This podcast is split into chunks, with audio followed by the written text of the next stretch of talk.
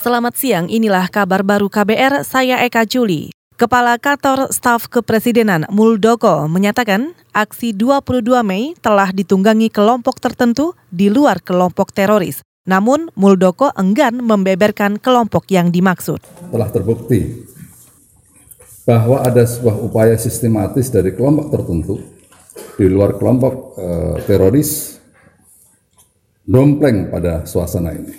Ya.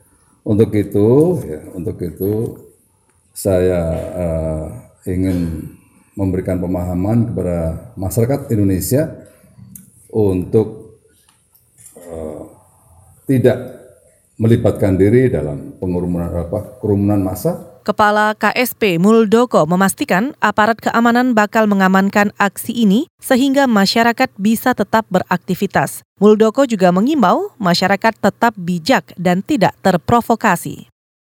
Mabes Polri menyebut kerusuhan dan pembakaran sejumlah kendaraan di asrama Brimob Selipi, Jakarta dini hari tadi bukan aksi spontan. Polisi menduga peristiwa itu sudah direncanakan atau by design Juru bicara Mabes Polri Muhammad Iqbal mengatakan telah mengidentifikasi 200 orang yang diduga terlibat dalam peristiwa tersebut. Polisi telah menangkap 11 orang yang diduga sebagai provokator. Sebagai data sudah kami dapat dari hasil pemeriksaan sementara bahwa mayoritas masa dari luar Jakarta, dari Jawa Barat, Banten, dan ada yang dari Jawa Tengah. Dan ada bukti-bukti, ada satu ambulan, ya saya tidak akan sebutkan tuh ambulannya, ada partainya, penuh dengan batu dan alat. Batu dengan alat alat-alat sudah kami aman. Dan ada juga setelah kami geledah masa-masa tersebut masih menyimpan berbagai amplop dan uangnya masih ada sedang kami sita dan saat ini Polda Metro Jaya sedang mendalami hal tersebut.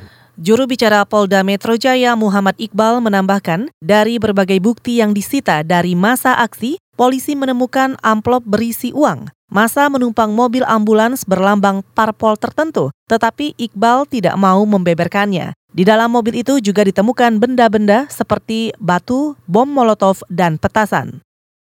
Rumah Sakit Umum Daerah atau RSUD Tarakan Jakarta membenarkan ada dua korban meninggal diduga terkait kerusuhan aksi 22 Mei. Humas Rumah Sakit Umum Daerah Tarakan Regi S. Sobari mengatakan korban meninggal akibat luka berbentuk bulat di bagian dada dan leher. Yang saya tahu cuma ada luka berbentuk bulat karena karena yang mau diotopsi kan keluarganya eh, apa keberatan. Yang satu mungkin nanti dari rumah sakit Bayangkara yang yang akan di sini.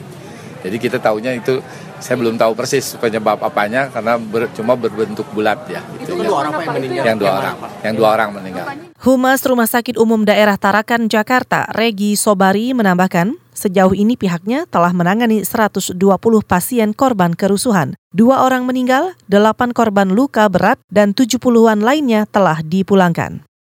Pengurus Besar Nahdlatul Ulama meminta kubu Joko Widodo dan Prabowo Subianto ikut mendinginkan suasana terkait kerusuhan di sejumlah lokasi di Jakarta hari ini. Katib Aam NU Yahya Holil Stakuf mendorong pertemuan antar dua kubu untuk meredakan ketegangan. Gus Yahya juga mengimbau masyarakat untuk menahan diri dan tidak terpancing provokasi. Saya kira masyarakat dari akar rumput perlu mengembangkan inisiatif-inisiatif untuk rekonsiliasi, untuk meredakan uh, ketegangan dan untuk selanjutnya saya kira ya semua persoalan yang terkait dengan pilpres ini harus dikembalikan kepada hukum Hatib Aam NU atau Nahdlatul Ulama Yahya Holil Stakuf juga meminta semua pihak bertindak sesuai konstitusi dan tidak membuat gerakan yang melanggar aturan. Ia juga menyayangkan aksi unjuk rasa 22 Mei menjadi ricuh.